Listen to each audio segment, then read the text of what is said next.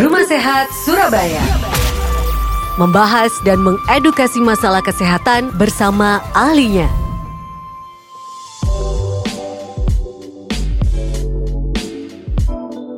Sembilan FM Merkuri, sahabat dan sudah pukul 11 waktunya Rumah Sehat Surabaya menemani Anda, sahabat dan sudah hadir juga tiga narasumber di studio Merkuri, sahabat.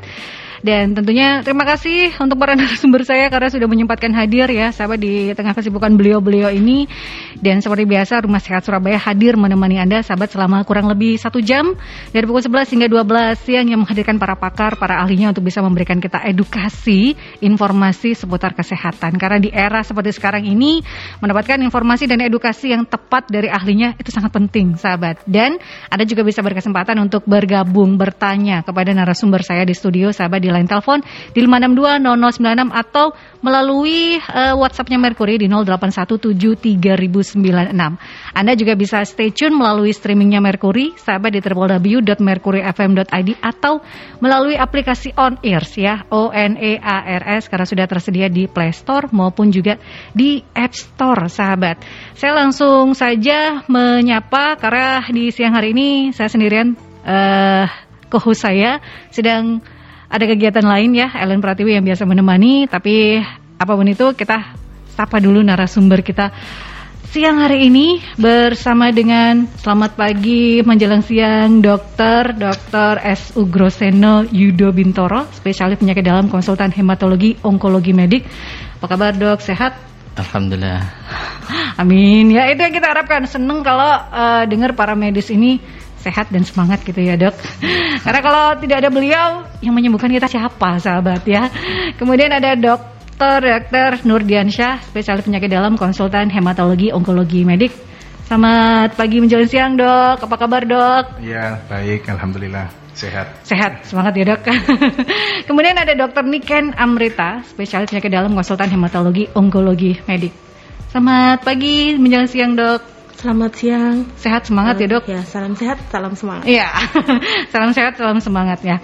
Dan sahabat di pagi hari ini uh, kita memiliki tema kemoterapi saat pandemi COVID-19 karena temanya masih berhubungan dengan pandemi, sahabat. Ya, karena banyak pasien yang mungkin awal-awal pandemi merasa deg-degan ini harus bagaimana, bagaimana. Nah, kita tanya kabarnya, ya. Uh, kabar bagaimana suasana di rumah sakit sekarang ini? Sudah mulai banyak yang berani kontrol ke rumah sakit kah atau masih banyak yang memanfaatkan telemedicine sih dok untuk sekarang ini?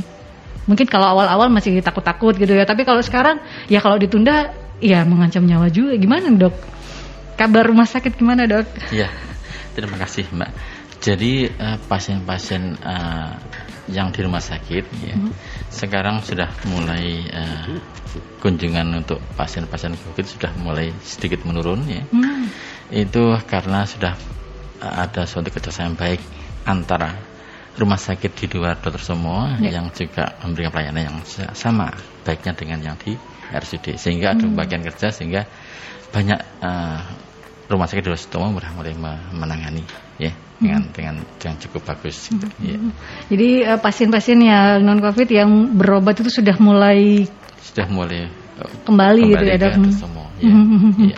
Jadi sudah mulai ya paling tidak protokol kesehatan tetap diterapkan itu ya. yang terpenting ya dok. Dan mereka sudah tahu betul hmm. bagaimana protokol kesehatan itu uh, cara-caranya sehingga mereka tahu. Kan dia perlu suatu pengobatan, tentunya hmm. dia akan milih pengobatan yang kira-kira uh, mana yang diperlukan. Kalau emergency ya. atau yang berat sekali dia akan segera masuk ke rumah sakit atau datang ke mengunjungi suatu pelayanan kesehatan.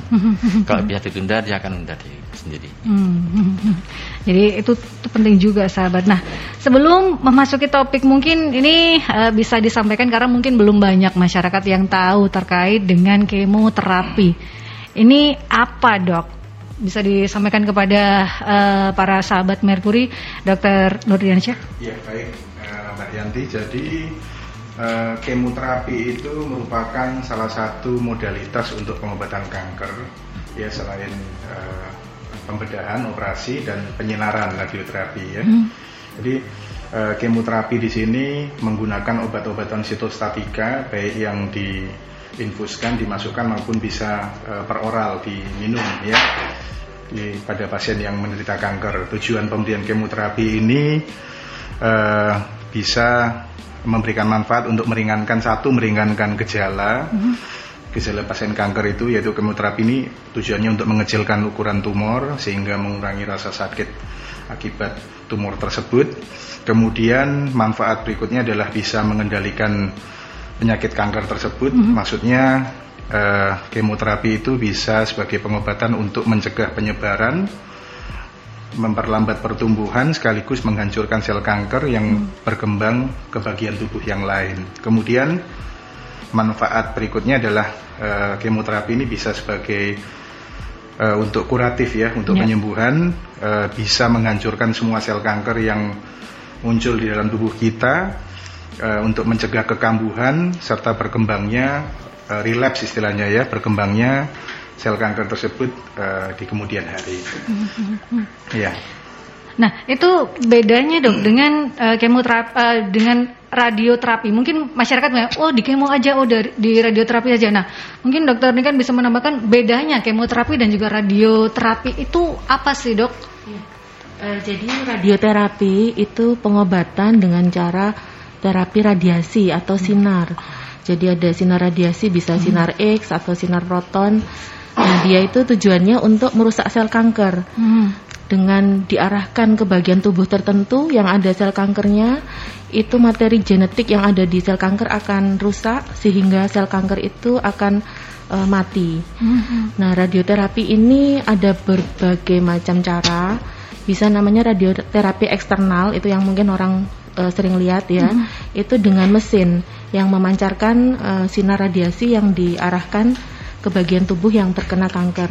Atau ada juga radioterapi internal. Nah itu eh, dimasukkan biasanya ada alat yang dimasukkan ke bagian tubuh tertentu. Contohnya kanker mulut rahim. Eh, ada juga yang dengan cairan, jadi eh, diminumkan itu untuk misalnya contohnya kanker tiroid. Jadi itu sahabat ya perbedaan. Mungkin Anda eh, masih bertanya-tanya apa sih bedanya kemoterapi sama eh, radioterapi? Karena masyarakat mengenalnya sejauh ini adalah kemoterapi. Karena banyak pasien yang eh, menjalani kemoterapi gitu. Nah, untuk penyakit-penyakit apa saja dok yang eh, mungkin memerlukan yang namanya kemoterapi? Kenapa diperlukan dan bagaimana tingkat kesembuhan? Ini kan juga eh, masyarakat masih bertanya-tanya, kemoterapi nanti bisa sembuh nggak sih? Atau bagaimana peluangnya gitu? Iya. Jadi kemoterapi sama tadi adalah suatu mo- moda pengobatan ya dengan menggunakan obat-obatan anti kanker atau sitostatika yang dimasukkan ke tubuh pada seorang berkanker. Nah, kanker apa itu? Ya. Pertama kali adalah kanker eh, yang asalnya dari darah. Ya. Kedua, kanker yang asalnya dari eh, tumor solid. ya. Kanker darah itu apa aja? Cukup banyak ya. Ada yang asalnya dari eh, sel darah putih ya. Nah, sel darah putih itu macam-macam, ada yang namanya leukemia akut, mieloblastik, ada leukemia akut limfosit, limfoblastiknya itu di antaranya. Dan yang tumor solid apa? Misalkan kanker payudara, kanker eh, eh, tulang ya. Nah, kemudian kanker ovarium ya, Nah, kemudian kanker eh, hati, kanker paru itu adalah tumor. Apakah semua diberikan kemoterapi? Eh, tidak. Ya. Untuk yang kanker solid itu diberikan kemoterapi pertama kali adalah sebagai obat utama adalah mereka-mereka yang sudah stadium lanjut. Oh, oke. Gitu. Jadi kemoterapi diberikan pada eh, pasien yang memang sudah stadium untuk, lanjut. Untuk gitu. tumor solid Hmm. utamanya sebagai terapi utama, jadi terapi, terapi itu kemoterapi sebagai utama, Hmm. sebagai- tambahan atau adjuvan Hmm. namanya. Utama adalah untuk keganasan atau kanker yang Hmm. sudah stadium lanjut. Artinya lanjutnya apa? Eh, menjalar ke organ-organ yang penting, Hmm. misalkan di paru, ya, misalkan di liver, di tulang atau di otak. Hmm. Itu adalah eh, namanya penjalan atau metastase ke organ jauh. Jadi itu yang menjadi pengobatan utama bagi yang eh, kanker solid. Kemudian pengobatan utamanya adalah kemoterapi, Iya. terutama keganasan gitu Iya, ya. yang dok. kekerasan yang sudah stadium lanjut. Mhm, mhm, mhm. Ya. Nah, sedangkan untuk yang tambahan, nah ini eh, pasti banyak masyarakat tingkat kesembuhannya untuk mengikuti kemoterapi seberapa besar nih dok? Jadi disebutkan bahwa kanker sampai sekarang belum ada pengobatan yang memuaskan bisa menyembuhkan. Hmm, ya. ya. Tergantung indikasinya dan jenisnya. Untuk eh, suatu keganasan, misalkan suatu keganasan yang asal dari darah, seperti limfoma maligna, Mhm. ya, itu sudah termasuk penyakit yang curable disease, bisa disembuhkan. Hmm, hmm. Cuma Ya. ada beberapa syaratnya. Persyaratannya adalah dia eh, bisa obatnya bisa diterima tubuh, ya, Mhm. nah, teratur cara pengobatannya, Ya. kemudian eh, tidak ada efek samping yang berarti. Hmm, hmm. Itu bisa sembuh. Ada beberapa pasien yang sudah eh, bisa sembuh bebas dari kemoterapi para kanker getah bening. Hmm, Gitu. hmm. Nah itu bergantung jadi kondisi pasien itu Ya, sendiri juga ya dok. jenis penyakitnya. Jenis penyakit. Tidak semua penyakit pasien kanker itu bisa sembuh dengan kanker dengan dengan kemoterapi. Ya. Nah, kalau tumornya itu masih stadium lokal, Hmm, ya, maka kemoterapi itu sebagai suatu tambahan saja. hmm, hmm. Misalkan kanker payudara, Ya. ya, dioperasi, Nah, kira-kira dokternya bilang kayaknya kok masih ada ya, Hmm. maka sisanya itu bisa diberantas di, dengan pemberian apa? Dengan radiasi Hmm, atau dengan kemoterapi. hmm. Nah, dokternya akan paham obat apa yang dimasukkan kira-kira. Oh, ternyata ini yang cukup dengan radiasi saja, maka tambahnya radiasi. Atau ini tidak bisa, ini harus dengan suatu kemoterapi, maka tambahnya adalah kemoterapi. Nah, demikian. Jadi ini yang juga harus menyebabkan pasien ini harus bertemu dengan dokter gitu ya, Iya. apalagi di era pandemi seperti sekarang ini, sahabatnya. Ini selain itu juga efek samping bagi pasien yang eh, menjalani kemoterapi, apakah bisa diminimalisir dok atau dihindari efek sampingnya? Karena kan biasanya eh, kemoterapi eh, yang saya tahu ya orang abang tahu rambut rontok itu ya dok, kemudian nggak nafsu makan, itu apakah bisa diminimalisir dok? Terus efeknya selain itu apa saja sih dok? Ya baik Mbak Yanti. Jadi eh, memang kemoterapi ini kan digunakan obat-obat sitos- sitostatika ya yang apa namanya diberikan secara sistemik, dimasukkan ke dalam pembuluh darah ya maupun ada juga kemoterapi yang per oral dimasukkan lewat saluran cerna. Jadi efek tujuannya memang eh, untuk membunuh atau menghancurkan sel-sel kanker, tapi memang karena diberikan secara sistemik eh, sel-sel tubuh kita yang normal juga pasti akan terdampak terpengaruh ya dengan pemberian obat-obatan sitostatika kemoterapi ini. Jadi terutama pada sel-sel tubuh yang membelah dengan cepat seperti rambut, kemudian eh, sel-sel mukosa ya kulit kita ya. Jadi efek samping kemoterapi secara umum seperti rambut rontok, kemudian eh, gangguan mukosa, gangguan saluran cerna, mual muntah, diare, penurunan nafsu makan, kemudian efek kemoterapi juga ke menekan ke sistem eh, peredaran darah kita, sistem apa namanya daya tahan tubuh kita ya. ya. Jadi eh, memang efek sampingnya harus kita minimalisir, ter- terutama dengan apa namanya dokter-dokter yang memberikan kemoterapi ini harus bisa apa namanya memberikan kemoterapi itu sesu- sesuai dengan indikasinya tepat istilahnya ada empat tepat dan satu waspada ya yang pertama yaitu tepat indikasi jadi eh, dokter yang memberikan kemoterapi ini harus paham betul eh, obat kemoterapi yang mana yang harus diberikan sesuai indikasi Hmm. dengan eh, kanker yang jenis mana tadi Ya. sudah seperti dijelaskan dokter Groseno ya. Kemudian yang kedua tepat obat. Ya pemilihan obat-obat kemoterapi yang mana yang cocok untuk penyakit kanker tersebut ya. Hmm. Jadi beda Ya. tumor untuk pemberian obat kemoterapi untuk kanker payudara, untuk kanker usus, Hmm. kanker getah bening, leukemia, pemilihan obatnya berbeda ya. Kemudian yang ketiga tepat dosis. Jadi dosis obat juga sangat berpengaruh. Ya jadi eh, ada penghitungan dosis untuk tiap jenis kanker yang berbeda ya jadi eh, tidak boleh berlebihan dosisnya. Kalau berlebihan ya nanti efek sampingnya akan lebih berat muncul.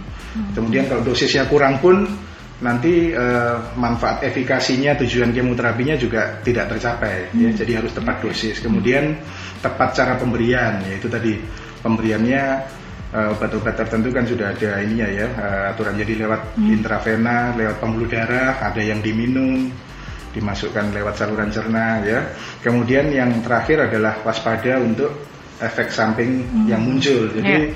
seorang dokter yang ahli memberikan kemoterapi sudah paham ini obat-obatan jenis tertentu, obat kemoterapi jenis tertentu ini eh, efek sampingnya akan muncul apa. Jadi hmm. uh, sejak awal kita bisa antisipasi. Misalkan obat ini obat A, ini obat kemoterapi A ini efek sampingnya akan berat mual muntahnya. Jadi kita bisa berikan istilahnya premedikasi sebelum diberikan kemoterapi, pemberian obat muntah yang cukup baik untuk mencegah timbulnya efek samping mual muntah. Hmm. Begitu, Mbak. Jadi diminimalisir juga ya, ya sebisa mungkin. Tapi kembali lagi uh, pasien juga harus memiliki semangat itu ya, Dok. Oh iya. Nah, betul. itu yang kalau pasien-pasien kanker ini semangatnya yang juga harus dinaikkan gitu. Nah, dihubungkan dengan saat pandemi, apa nih dok yang harus diwaspadai oleh para penderita kanker dan apakah pasien kanker ini beresiko tinggi terhadap COVID? Mungkin uh, dokter Niken, kalau dihubungkan dengan saat pandemi, yang diwaspadai karena para penderita kanker ini kan gampang sekali drop, kemudian naik turun lah ya istilahnya dok. Gimana ya. nih dok? Iya betul sekali Mbak Yanti. Jadi pasien kanker itu dia memiliki resiko kekebalan tubuh menurun hmm. dari penyakitnya sendiri maupun yeah. dari pengobatan yang dijalankan sehingga harus berhati-hati baik untuk pasien maupun uh, keluarga yang merawat atau yang satu rumah. Hmm. Jadi pesan yang sama sama dengan uh, kita semua ya. Pakai masker kalau berpergian keluar rumah. Hmm. Terus hindari tempat-tempat yang uh, bertemu orang banyak, bepergian yang tidak perlu cuci tangan minimal 20 menit, uh, pola hidup bersih dan sehat, hindari stres ya, aktivitas fisik. Nah, itu harus dikerjakan mm -hmm. dan juga uh, harus lebih aktif berdiskusi dengan uh, dokter yang merawat, mm -hmm. dokter yeah, yang merawat. Yeah. Nah, nanti dokter akan memberikan solusi hmm. pengobatannya seperti apa. Apakah bisa misalnya yang dulu jadwal kemoterapinya seminggu sekali jadi tiga minggu sekali, hmm. atau pengobatan kemoterapi uh, tablet uh, atau dia uh, bisa ditunda. Nah, itu sesuai dengan uh, penyakit pasien tersebut. Hmm. Sehingga menghindari uh, bepergian yang terlalu sering ke rumah sakit ataupun rawat inap yang beker, berkepanjangan. Hmm. Mungkin seperti itu. Jadi menghindarkan juga ketakutan-ketakutan yang nggak perlu sebenarnya dengan yeah. uh, terus konsultasi dengan dokter yang merawat gitu ya, yeah. Dok ya. Yeah, betul. Jadi itu akan memberikan efek ketenangan bagi para pasien supaya nggak tambah numpuk lagi. Kalau uh, beresiko tinggi terhadap COVID itu gimana kalau pasien kanker nih, Dok? Mungkin mungkin dokter Ugro nanti ditambahkan yeah. oleh dokter Niken. Iya, kalau berisiko tinggi mungkin uh, tidak. Jadi resikonya sama hmm. seperti uh, pasien asal dia tadi ya menjaga yeah. itu seperti dengan orang yang tidak sakit. Cuman kalau dia terkena dan pada saat itu kondisi kekebalan tubuhnya rendah, yeah. itu kemungkinan untuk jadi manifestasi COVID yang lebih berat itu lebih tinggi. Hmm. Seperti hmm. itu. Pasien kanker terkena COVID itu akan lebih berat uh, Iya. penyembuhannya atau akan yeah. memperberat kondisi dari pasien itu juga ya dok? Bisa memperberat kondisi, tapi juga ada beberapa faktor yang lain. Hmm. Begitu. Hmm. Ada nggak sih dok sejauh ini pasien yang uh, sudah terindikasi kanker, kemudian beliau ini positif COVID juga? Sudah ada laporannya nggak sih dok sejauh ini? Iya. Jadi uh, pasien-pasien COVID ya masuk ke rumah sakit itu karena ada suatu faktor risiko. Hmm, ya. Enggak, ya. Faktor risiko namanya apa? Nah, faktor faktor komorbid, yeah. penyakit penyerta. Hmm.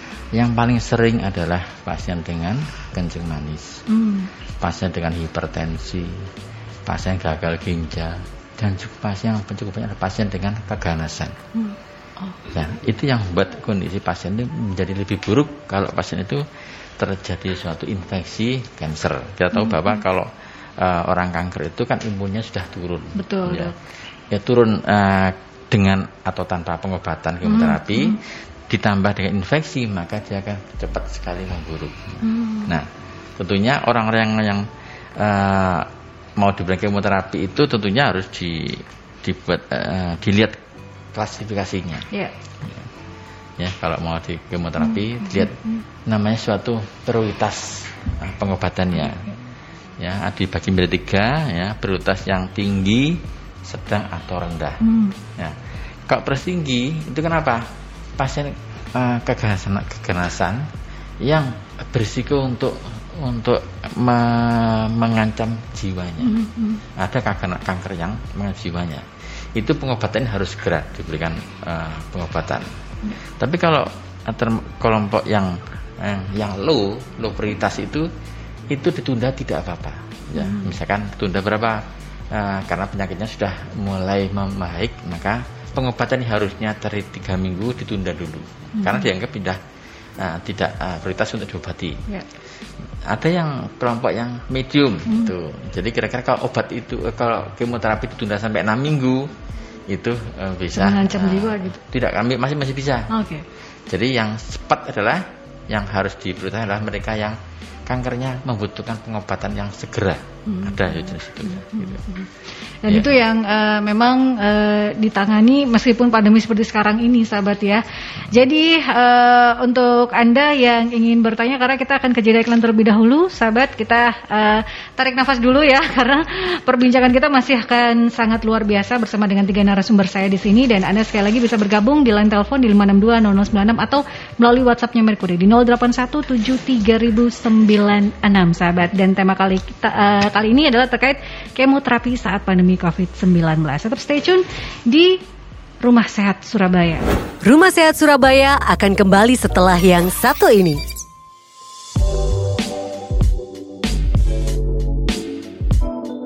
96 FM Mercury, sahabat dan uh, lagunya 80-an, long lasting, enak ya sahabat. Sambil kita uh, karena perbincangan cukup lumayan berat jadi supaya kita cooling down, kita dengerin lagu dari uh, Chicago Your the Inspiration. Karena kita pengen uh, supaya masyarakat ini tersadarkan dengan uh, informasi ataupun juga cerita-cerita dari para dokter yang hadir di rumah sehat ini, sahabat, supaya sekali lagi masyarakat patuh dan taat pada protokol kesehatan, ya, penggunaan masker, kemudian mencuci tangan menggunakan sabun di air mengalir, dan juga menjaga jarak, ya, physical distancing, hindari kerumunan, sahabat. Dan narasumber saya di rumah sehat Surabaya ada Dr. Dr. S. Ugroseno Yudo Bintoro, spesialis penyakit dalam, konsultan hematologi onkologi medik dan juga Dr. Dr. Nurdiansyah, spesialis penyakit dalam, konsultan hematologi onkologi medik dan juga Dr. Niken Amrita, spesialis penyakit dalam, konsultan hematologi onkologi medik. Sebelum saya ke beberapa WhatsApp yang sudah masuk, saya di 08173096, saya mau bertanya ini kemoterapi saat pandemi dok ya sesuai dengan tema kita hari ini persiapannya apa saja yang diperlukan? Kemudian ada perbedaan nggak sebelum dengan pandemi ini dok? Ya, baik Mbak Yanti, jadi memang uh, di masa pandemi COVID-19 ini perlu ada beberapa strategi khusus ya untuk pasien-pasien yang uh, menjalani kemoterapi karena kita tahu tadi sudah disebutkan bahwa pasien-pasien uh, kanker ini yang menjalani kemoterapi memang secara uh, kondisinya itu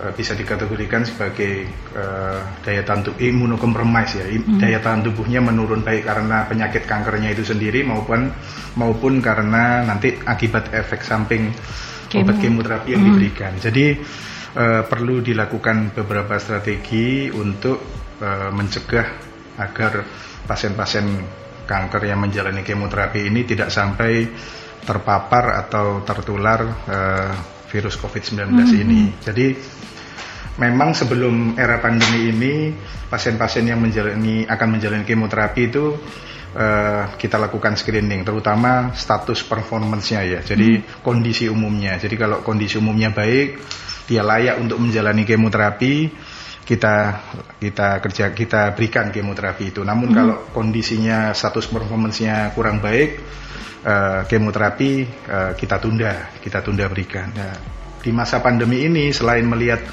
uh, status performance pasien tadi, kita juga lakukan protokol sesuai yang uh, dijarankan oleh pemerintah yaitu uh, testing, tracing, hmm. dan treatment untuk COVID-19 ini. Jadi sebelum menjalani kemoterapi, pasien-pasien kanker ini kita screening dulu. Yeah. Jadi diperiksakan apa namanya uh, tes penapisan untuk uh, COVID-19 baik rapid test maupun uh, eh, PCR ya, swab PCR. Kemudian gejala klinisnya kita lihat juga apakah ada mengarah ke gejala COVID-19 seperti uh, febris, batuk, ya. gangguan penciuman, gangguan apa menelan mm -hmm. gitu ya. Jadi kalau semuanya beres oke, okay, tidak ada gejala klinis yang mengarah COVID, hasil swab testnya uh, hasil uh, rapid testnya maupun swab PCR-nya uh, negatif jadi jadi bisa kita lakukan kemoterapi. Hmm. Ya jadi uh, itu perbedaannya mbak. Jadi sebelum jadi ada tes ya, uh, tracing itu ya. Jadi ya, yang screening, di, screening itu ya. ya untuk... Jadi untuk mencegah uh, pasien-pasien uh, kanker ini uh, terpapar uh, COVID-19 saat dia melakukan kemoterapi hmm. di rumah sakit. Hmm. Untuk pasien-pasien yang sudah terdeteksi COVID-19 pasien kanker ya. Uh, ini harus dilakukan pengobatan jadi pasiennya ditunda untuk kemoterapinya. Kemudian eh, sampai COVID-19-nya membaik istilahnya dia kalau tanpa gejala ya isolasi mandiri saja di di rumah selama 10 hari sampai 14 hari. Kemudian dicek ulang lagi. eh, dites lagi kalau negatif baru bisa kita berikan kemoterapi Hmm, gitu Mbak. Nah, itu kalau eh, untuk prosedur kemoterapinya sendiri ada perbedaan juga nggak dok dengan sebelum pandemi? Mungkin dari asosiasi terbaru eh, ada tambahan eh, prosedur kemoterapi atau bagaimana ini untuk eh, sekarang ini? Karena kan untuk persiapannya sendiri ada dilakukan tes atau prosedurnya sama, cuman perbedaannya hanya tesnya saja ditambahkan gitu dok. Mungkin Iya, terima kasih Mbak Yanti. Jadi mungkin tadi seperti sudah dijelaskan oleh Dr. Ugroseno, jadi ada beberapa panduan eh, baik di dunia maupun yang eh, kita kerjakan di sini. Jadi pasien kanker yang membutuhkan kemoterapi itu kita stratifikasi eh, resikonya. Jadi apakah dia butuh kemoterapinya eh, saat ini juga tidak bisa ditunda, namanya eh, high priority ataukah dia prioritas sedang ataukah prioritas rendah. Kalau dia high priority harus dikerjakan sekarang, yaitu tidak boleh ditunda. Contohnya apa? Contohnya pasien kanker dengan eh, tumor yang sangat besar yang mengganggu jalan nafas atau dia eh, tumor besar di payudara dengan perdarahan. Nah, itu tidak boleh ditunda. Eh, ada juga yang dia medium priority, prioritas sedang. Jadi ini kalau ditunda hitungan minggu sampai bulan itu eh, tidak apa-apa. Nah, itu didiskusikan juga oleh eh, dokter maupun tim dokter yang merawat. Contohnya apa? Contohnya eh, kelenjar getah- eh, kanker kelenjar getah bening yang dia ada jenis tertentu yang dia tidak terlalu ganas, tidak terlalu cepat menyebar. Dan juga ada yang prioritas rendah. Jadi yang eh, pasien itu hanya perlu kontrol, bisa juga dengan telemedicine. Contohnya apa? Contoh yang dia sudah selesai menjalani operasi, selesai melakukan kemoterapi, dia butuh kontrol tiap tiga bulan. Nah, itu bisa eh, ditunda. Mungkin bisa seperti itu. saja gitu ya dok, menghindarkan untuk Eh, berpergian gitu. kontak, iya. Mhm. Nah, ini sudah ada beberapa WhatsApp yang masuk melalui 08173096 dari Bu Rita. Apakah setelah menjalani kemoterapi itu bisa hamil dok? Apa ada pengaruhnya? Karena Bu Rita ini sempat menjalani kemo karena kanker payudara dan am- alhamdulillah beliau ini survivor. Kemudian dari Bundina untuk meningkatkan nafsu makan setelah kemo itu bagaimana ya dok? Karena kan masa pandemi ini kita dituntut untuk fit dan punya imun yang bagus. Sedangkan setelah kemo ada efeknya. Salah satunya ya nggak nafsu makan. Kemudian dari Pak Joni, dok, apa kalau pernah terkena kanker, peluang untuk kena jenis kanker lain itu akan lebih meningkat? Itu tiga dulu, eh, beberapa masih saya simpan. Silakan dok. Ini beberapa bisa dijawab terlebih dahulu. Pertanyaan dari sahabat-sahabat Mercury. Setelah menjalani kemo bisa hamil nggak dok? Ada pengaruhnya Iya, nggak oke. setelah? Jadi begini Ibu Rita, jadi eh, untuk keganasan payudara eh, tentunya pengobatan itu ada indikasinya ya. Apakah payudaranya stadium eh, awal, apakah stadium lanjut.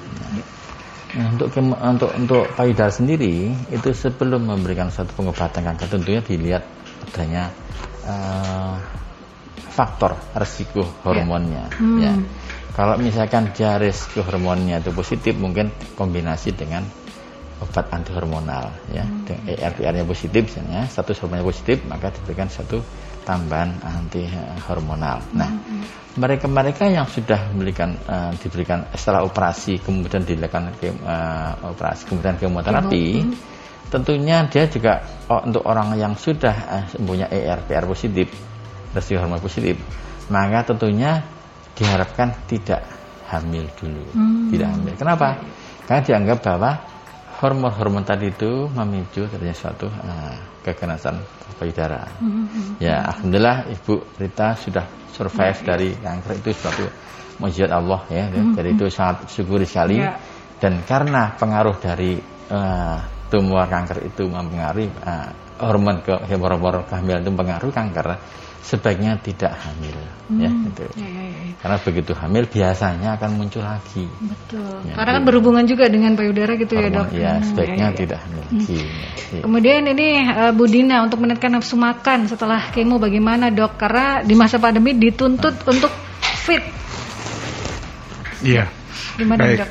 Jadi memang ya eh, tadi seperti sudah kami jelaskan bahwa efek samping kemoterapi itu bisa membuat nafsu makan menurun, hmm. mual, muntah pasca kemoterapi ya. Jadi memang uh, ada beberapa obat-obatan nanti uh, bisa diberikan pasca kemoterapi itu untuk mencegah mual muntah, kemudian beberapa suplemen untuk meningkatkan nafsu makan hmm. sehingga uh, nafsu makan pasien bisa meningkat dan uh, tidak mual muntah karena kalau uh, nafsu makannya nggak ada, ya mual muntah, yeah. intake-nya kurang, itu nanti akan uh, membuat kondisi pasien drop. Mm. Jadi untuk untuk uh, dilakukan kemoterapi siklus berikutnya akan tertunda. Jadi hmm. nanti ter uh, apa namanya kemoterapinya bisa kacau siklusnya ya. Jadi hmm. memang nutrisi ini sangat penting ya bagi pasien-pasien yang menjalani kemoterapi. Jadi kalau uh, timbul keluhan mual muntah, nafsu makan menurun, harus uh, konsultasi dengan dokter yang memberikan kemoterapi agar bisa cepat ditangani dan tidak mengganggu nanti apa namanya siklus, siklus kemoterapi berikutnya. Mm -hmm. Jadi Jadi dukungan ya, keluarga juga penting ya dok supaya semangatnya oh, iya. Uh, lagi-lagi berhubungan dengan semangat dan motivasi dari pasien ya. ini supaya mau makan paling tidak ya, kalau mau cepat sembuh gitu ya dok. Jadi harus ya. makan gitu. Dan dari Pak Joni, dok, apa kalau pernah terkena kanker, peluang untuk kena jenis kanker lainnya akan meningkat? Jadi Pak Joni memang uh, ada peningkatan untuk resiko namanya secondary malignancy atau keganasan kedua. Jadi memang pesan untuk pasien kanker yang dia sudah selesai menjalani pengobatan itu uh, sebaiknya tetap kontrol jadi sesuai jadwal yang diberikan dokternya, dokternya. Jadi contohnya apa? Contohnya orang yang dia pernah terkena kanker ovarium atau kanker payudara, itu dia bisa misalnya pernah kena kanker ovarium bisa juga nanti di kemudian hari dia terkena kanker payudara. Hmm.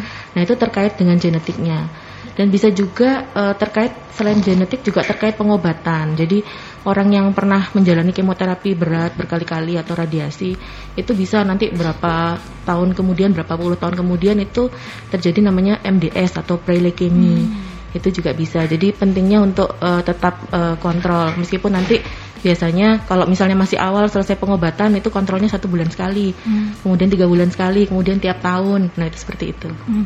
jadi meskipun uh, seperti Bu Rita tadi survivor tapi tetap harus tetap menjaga gitu ya yeah. karena sudah ada sel kanker yang aktif gitu ya dok istilahnya seperti itu jadi tetap harus menjaga dan kemungkinan untuk terkena ya lagi-lagi kalau anda menjaga ya mudah-mudahan tidak lah ya menyebarkan. Ya, Tapi ada kemungkinan yang dijelaskan oleh dokter Niken itu tadi sahabat. Kemudian ini dari Pak Iwan dok di masyarakat banyak anggapan kalau melakukan kemo itu bisa membunuh sel-sel yang sehat juga. Karenanya banyak pasien setelah kemo itu tidak bisa bertahan hidup. Apakah benar anggapan itu dok? Tadi sebenarnya sudah sedikit dijelaskan oleh dokter Nurdiansyah tadi. Mungkin bisa ditambahkan dok. Bagaimana ini? Ya, jadi uh, anggapan uh, dari uh, Pak Iwan tadi ya. uh, tidak semuanya uh, benar ya, ya bahwa kanker itu sudah jelas adalah suatu obat yang ditujukan ah, sorry Kemo. kemoterapi adalah satu obat yang ditujukan untuk membunuh kankernya hmm. kenapa kanker itu adalah sel yang cepat berkembang obat kemoterapi membunuh sel-sel yang cepat berkembang tubuh manusia itu juga ada sel-sel yang cepat cepat berkembang. Di antaranya adalah sel-sel mukosa. Hmm. Ya, mukosa itu selaput lendir. Apakah di mulut, apakah di tenggorokan, apa di saluran napas, apa saluran pencernaan. Dan itu kalau uh, mengalami uh, kemoterapi terpapar kemoterapi itu akan mengalami kerusakan. Misalkan timbul uh, yang namanya sariawan, yeah. nah, stomatitis itu. Kemudian rambut, rambut itu juga sel yang cepat berkembang sehingga sering mengalami kerontokan. Hmm. Ya. Darah putih juga demikian. Tumbuhnya cepat maka akan mengalami kematian lebih cepat hmm. dibandingkan biasanya. Hmm. Nah, tentunya itu bisa diantisipasi ya. Tadi dokter Nurjasa menyangkan. Di antara dosisnya. Nah, dosisnya kita sesuaikan dengan luas tubuhnya. Hmm. Ya, luas tubuh itu diukur dari berat badan dan tinggi badannya. Nah, tentunya dokter yang menangani akan tahu betul, sudah paham berapa kira-kira dosis yang dibutuhkan sehingga bisa diantisipasi terjadinya suatu uh, efek samping yang dikatakan mematikan. Hmm. Tidak seluruhnya mematikan tidak. Jadi efek samping harus bisa diminimalkan. Seperti empat tempat satu waspada itu Iya, tadi ya sudah, dok. itu harus Mhm. harus sesuai dengan itu.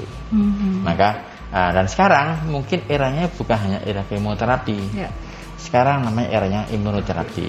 Ya, itu hampir-hampir tidak ada efek samping yang mematikan. Ya, efek sampingnya ah, minimal sehingga pasien itu tidak tidak mengalami efek seperti mual-mual Hmm. karena tidak membunuh sel eh, sel tubuh yang sehat.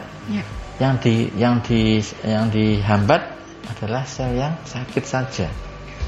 Hmm. Ya, sekarang cuman har- harganya cukup mahal. Dan di luar negeri imunoterapi itu sangat berkembang sekali. Dan kita sudah mulai karena pemerintah sudah menjamin beberapa obat itu ada masuk dalam BPJS. Hmm. Imunoterapi itu Iya. di Surabaya di beberapa rumah sakit sudah mulai diterapkan juga dok atau? Hampir semua rumah sakit yang ada konsultannya kanker hematologi onkologi pasti ada. Hmm, Ya, hmm. Tinggal uh, pasiennya itu uh, ya maaf mungkin ada yang bisa membeli dengan uh, uang pribadi atau bisa menggunakan dari BPJS silahkan memilih gitu, Hmm, ya hmm, gitu. hmm, hmm. Karena namanya juga uh, perkembangan dunia kesehatan itu juga mengikuti gitu ya dok. Iya. Jadi sudah ada teknologi baru di dunia kesehatan Iya. terkait dengan uh, kanker ini Iya. yaitu imunoterapi. Jadi memang perkembangan suatu penyakit kanker itu sangat hebat sekali. Dan uh, kita bersyukur ahli-ahli dunia itu juga bisa mengimbangi ya. Dengan ditemukannya beberapa obat yang bisa memberikan efek uh, memberikan suatu survive pada pasien itu lebih panjang banyak sekali yang begitu. Dan Memang pemerintah sudah memberikan satu uh, wadah suatu, suatu obat Ya. pakailah obat-obat ini yang sesuai dengan indikasinya. Ya. Misalkan imunoterapi, gitu ya. Mhm. Jadi memang belum ada uh, pengobatan yang bisa menyembuhkan, tapi paling tidak membantu supaya pasien itu bisa bertahan itu ya dok. Sekarang Survive, seperti survive. survive gitu ya, imunoterapi yang sudah ada, sahabat. Nah ini dari Bu Christine, uh, dok pada pasien penyakit kanker tentu memiliki resiko besar terpapar COVID-19. Apa yang harus lebih dilakukan agar tidak terpapar? Selain tentu juga menerapkan protokol kesehatan. Tadi sudah dijelaskan oleh Bu Niken, mungkin tambahan dok eh, terkait Bu Christine ini apa yang harus dilakukan oleh para pasien eh, kanker ini supaya mereka paling tidak terhindar dari paparan COVID-19. Ya baik, memang eh, Bu siapa tadi? Bu Christine. Bu Christine ya bertanya mengenai eh, pasien kanker kemungkinan untuk menderita COVID ya bagaimana pencegahannya ya. Jadi memang pasien-pasien kanker tadi eh, merupakan suatu kondisi dia daya tahan tubuhnya turun ya baik dari penyakitnya kankernya sendiri maupun dari pengobatan kemoterapi yang diberikan itu bisa menurunkan daya tahan tubuhnya. Untuk itu pasien-pasien eh, kanker yang menjalani kemoterapi ini tetap ya kita harus menerapkan protokol kesehatan yang dari pemerintah tadi tiga 3T tadi ya testing, tracing dan treatment untuk COVID-19-nya. Kemudian 3M ya eh, menggunakan masker, terus eh, physical apa eh, Menjaga jarak. menjaga jarak dan apa mencuci tangan ya itu itu wajib tetap.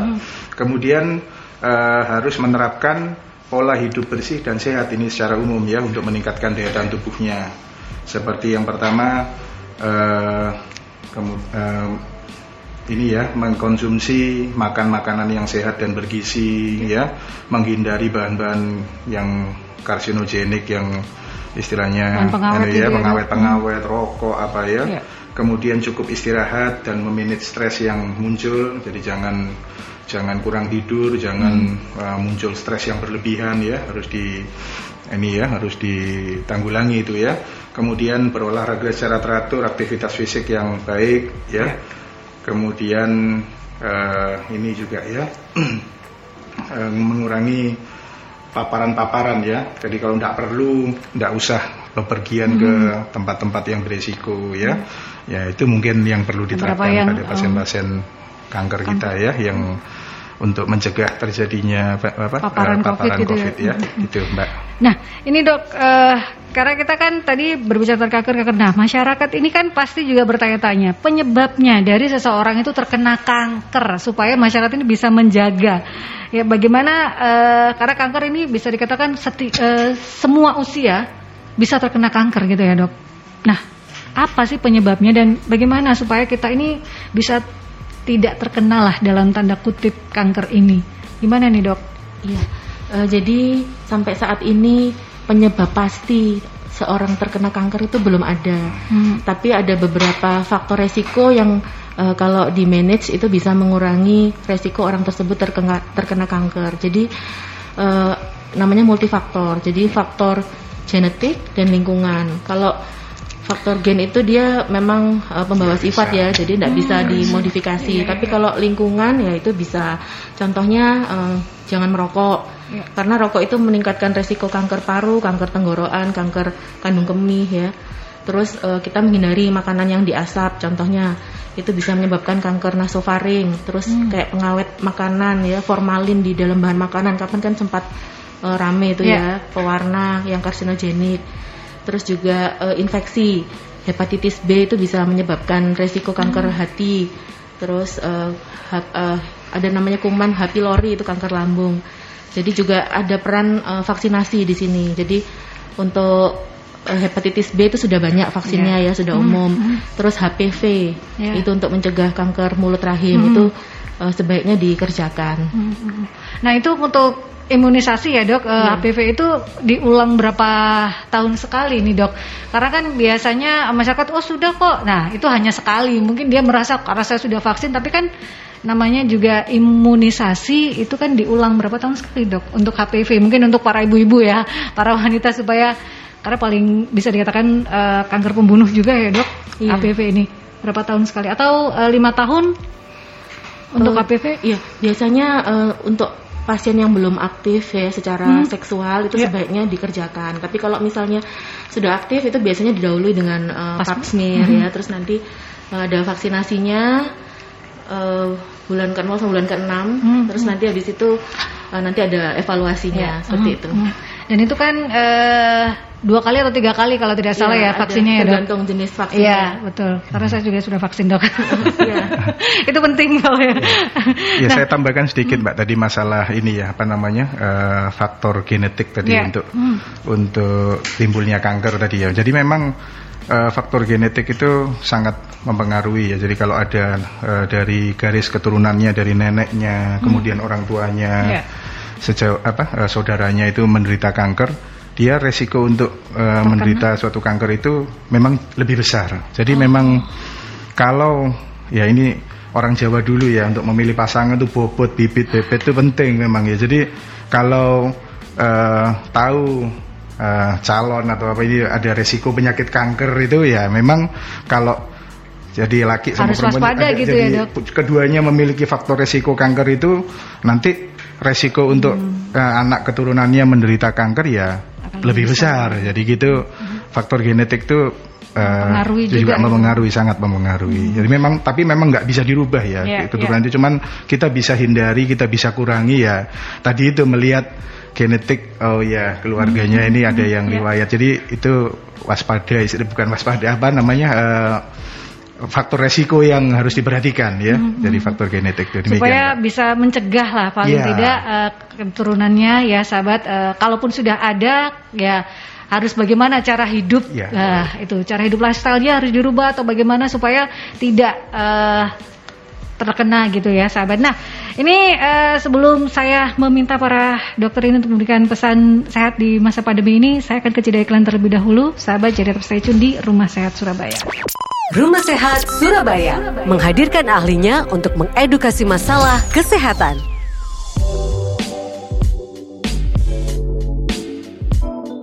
Mulai nama FM Merkuri, sahabat dan sayang sekali waktunya sudah tidak cukup karena sejam itu pendek sekali ternyata ya karena perbincangan kita luar biasa temanya karena berhubungan dengan kesehatan banyak masyarakat yang pengennya itu bisa teredukasi dengan baik tentang uh, informasi kita dengan tema kemoterapi saat pandemi COVID-19 ini dan ternyata masyarakat juga antusias ya sahabat. Terima kasih untuk sahabat-sahabat mereka yang sudah bergabung. Nah, ini terakhir dok uh, pesan-pesan sehat di masa pandemi untuk sahabat-sahabat Merkuri. Mungkin dokter Ugroseno terlebih dahulu pesannya untuk sahabat-sahabat Merkuri ini di tengah pandemi seperti apa dok? Iya. Ya, Assalamualaikum wabarakatuh.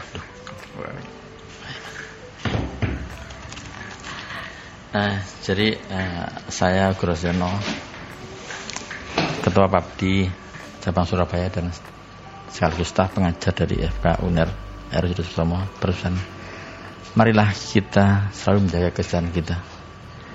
Patuhi protokol dengan cara memakai masker yang benar. Hmm. kedua mencuci tangan secara periodik sesuai dengan protokol kesehatan. Yang ketiga kita menjaga jarak saat berinteraksi dengan saudara kita teman kita untuk mencegah transmisi virus SARS-CoV-2 dan tidak lupa tetaplah kita berdoa. Memohon kepada Allah lindungan kesehatan untuk diri kita dan semua. Demikian.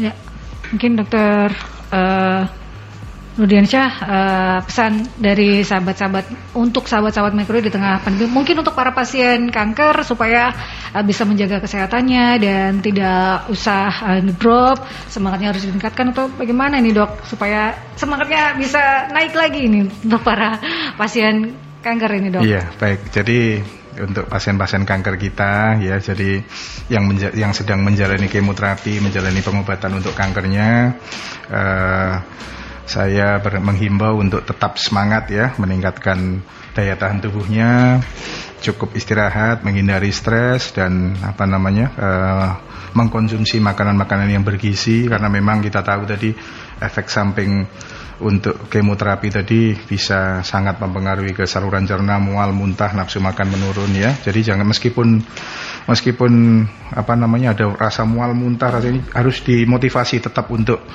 makan ya, makan makanan bergizi supaya uh, kondisi badannya tidak drop, tetap fit, uh, bisa melanjutkan pengobatan kemoterapinya dan tidak mencegah untuk tertular dari virus COVID-19 ini karena daya tahan tubuhnya ya. tetap terpelihara. Mungkin itu Mbak tambahan dari saya. Ya.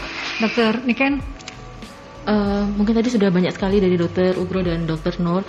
Cuman karena saya ibu-ibu juga mungkin ya buat ibu-ibu uh, karena kita ini yang istilahnya pagarnya keluarga, yeah. kita yang bisa mengingatkan uh, kalau misalnya anak-anak kita di rumah, kalau dia school from home ya sudah kerjakan, jangan malah keluar main ya. Hmm. Terus untuk bapak bapak-bapak suami kita, untuk dia tetap uh, maksudnya dia jaga jarak, kalau dia harus bekerja keluar. Terus kalau kita sendiri butuh pergi, butuh transaksi, harus bayar apa ya ke pasar apa itu, pasar nggak bisa ya ke supermarket itu kalau bisa uh, transaksi non tunai jadi kita bisa pakai uh, apa debit segala macam. Mm -hmm. Selalu bawa tisu, hand sanitizer di dalam tas. Begitu kita sampai ke rumah pulang uh, sebisa mungkin langsung kita mandi ya ganti baju sebelum kita bertemu dengan keluarga. Hmm. mungkin demikian. Hmm. nah itu juga sahabat sekali lagi mengingatkan kita untuk patuh pada protokol kesehatan yang utama. Sebelum vaksin ataupun juga obat dari covid ini ditemukan sahabat. Terima kasih dok sudah hadir di studio Merkuri dan sehat selalu. Itu harapan kita semua dok.